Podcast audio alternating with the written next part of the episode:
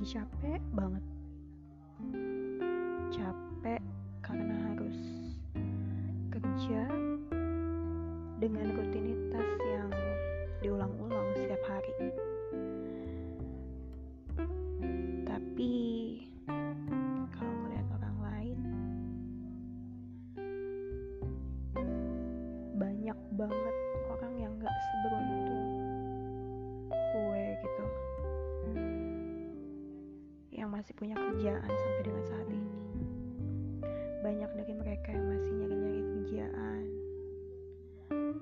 yang mungkin kena laid off karena lagi pandemi.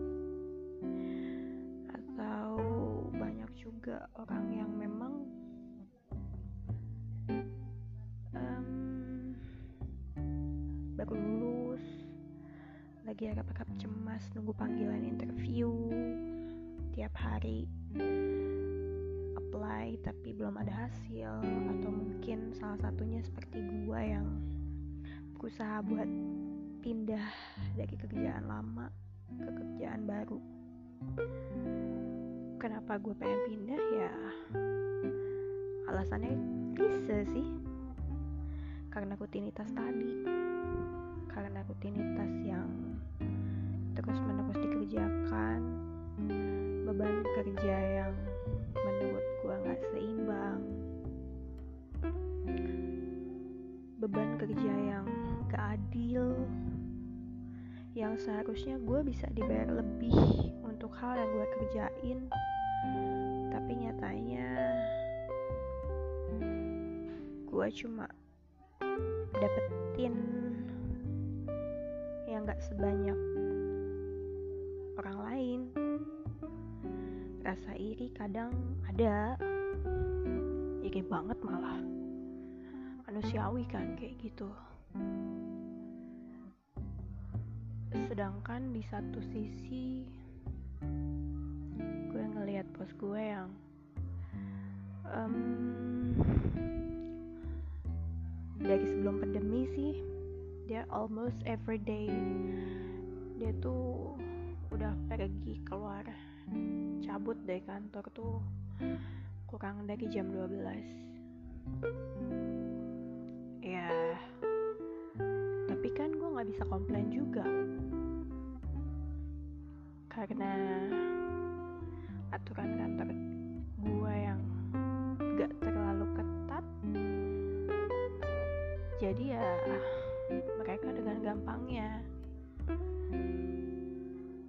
cabut dengan alasan meeting mungkin atau ya banyak lah.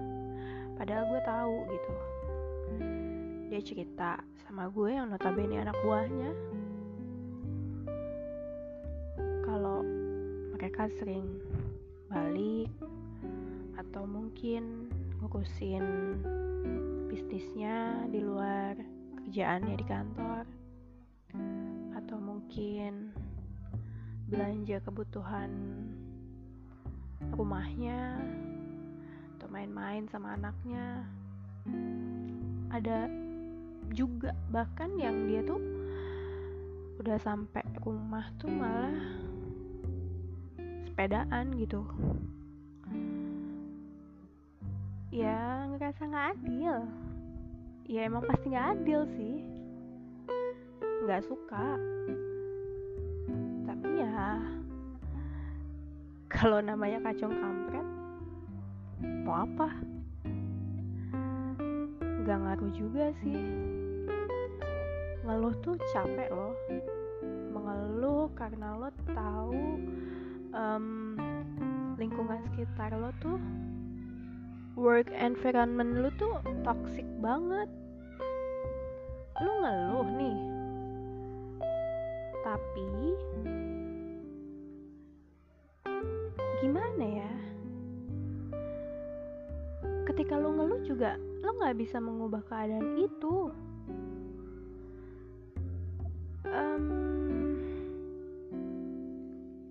yang gak ada gak akan ngubah apa-apa gitu loh.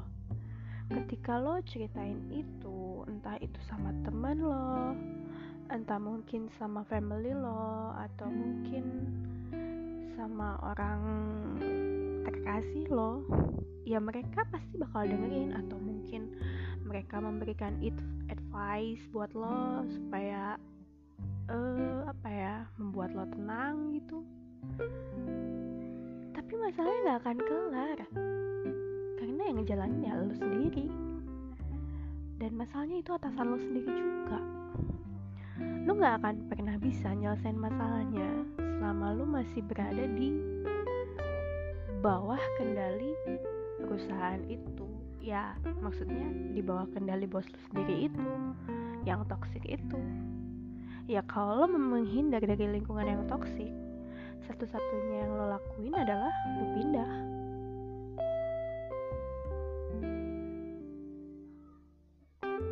Tapi pindah dari kerjaan itu nggak segampang gue ngomong sih. Gak segampang kita ngebayangin udah yuk pindah kerja. Karena jujur aja gitu loh. Um,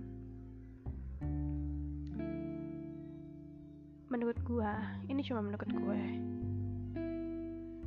belakangan ini gitu loh dewasa ini kriteria orang yang diterima dalam suatu pekerjaan itu semakin tinggi terus um, karena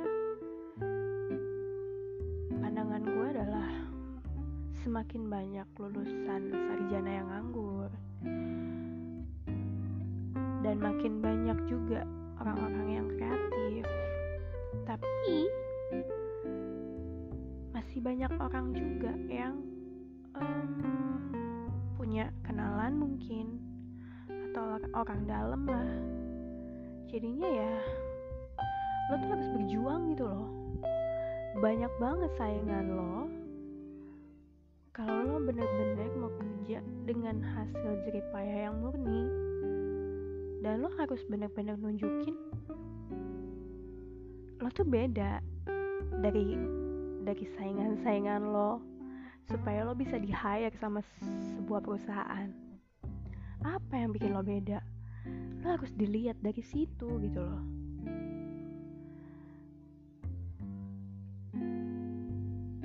Hmm, jujur gue juga salah satu orang yang gak terlalu gampang buat pindah kerjaan ya.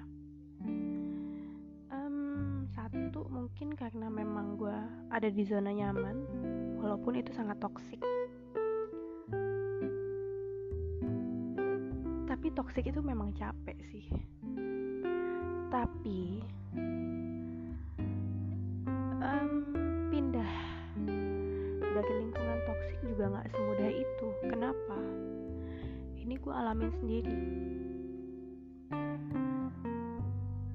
Ternyata gitu loh lingkungan toksik ini juga mempunyai peran. Ketika gua yang notabene udah kerja lebih dari lima tahun di perusahaan ini dan mempunyai uh, kontribusi yang gak sedikit gitu loh. Dan akhirnya kita punya partner dan partner gue menawarkan pekerjaan ternyata bos gue ikut campur tangan di situ. Dan automatically um, karena dia punya pengaruh. Gue nggak bisa ke mana-mana. Kenapa gue tahu? Karena salah satu partnernya itu sempat bilang sama gue kecewa iya. Tapi gue nggak bisa gimana gimana dan gue nggak bisa gugat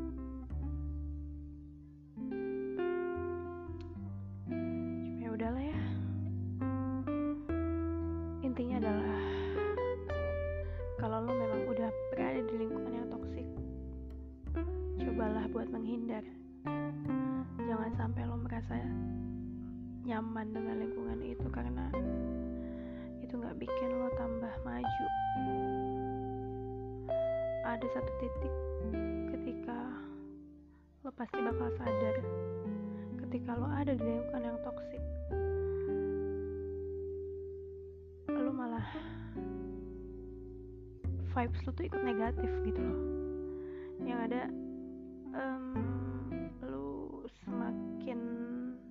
menjadi orang yang malas dan dikit-dikit negative thinking.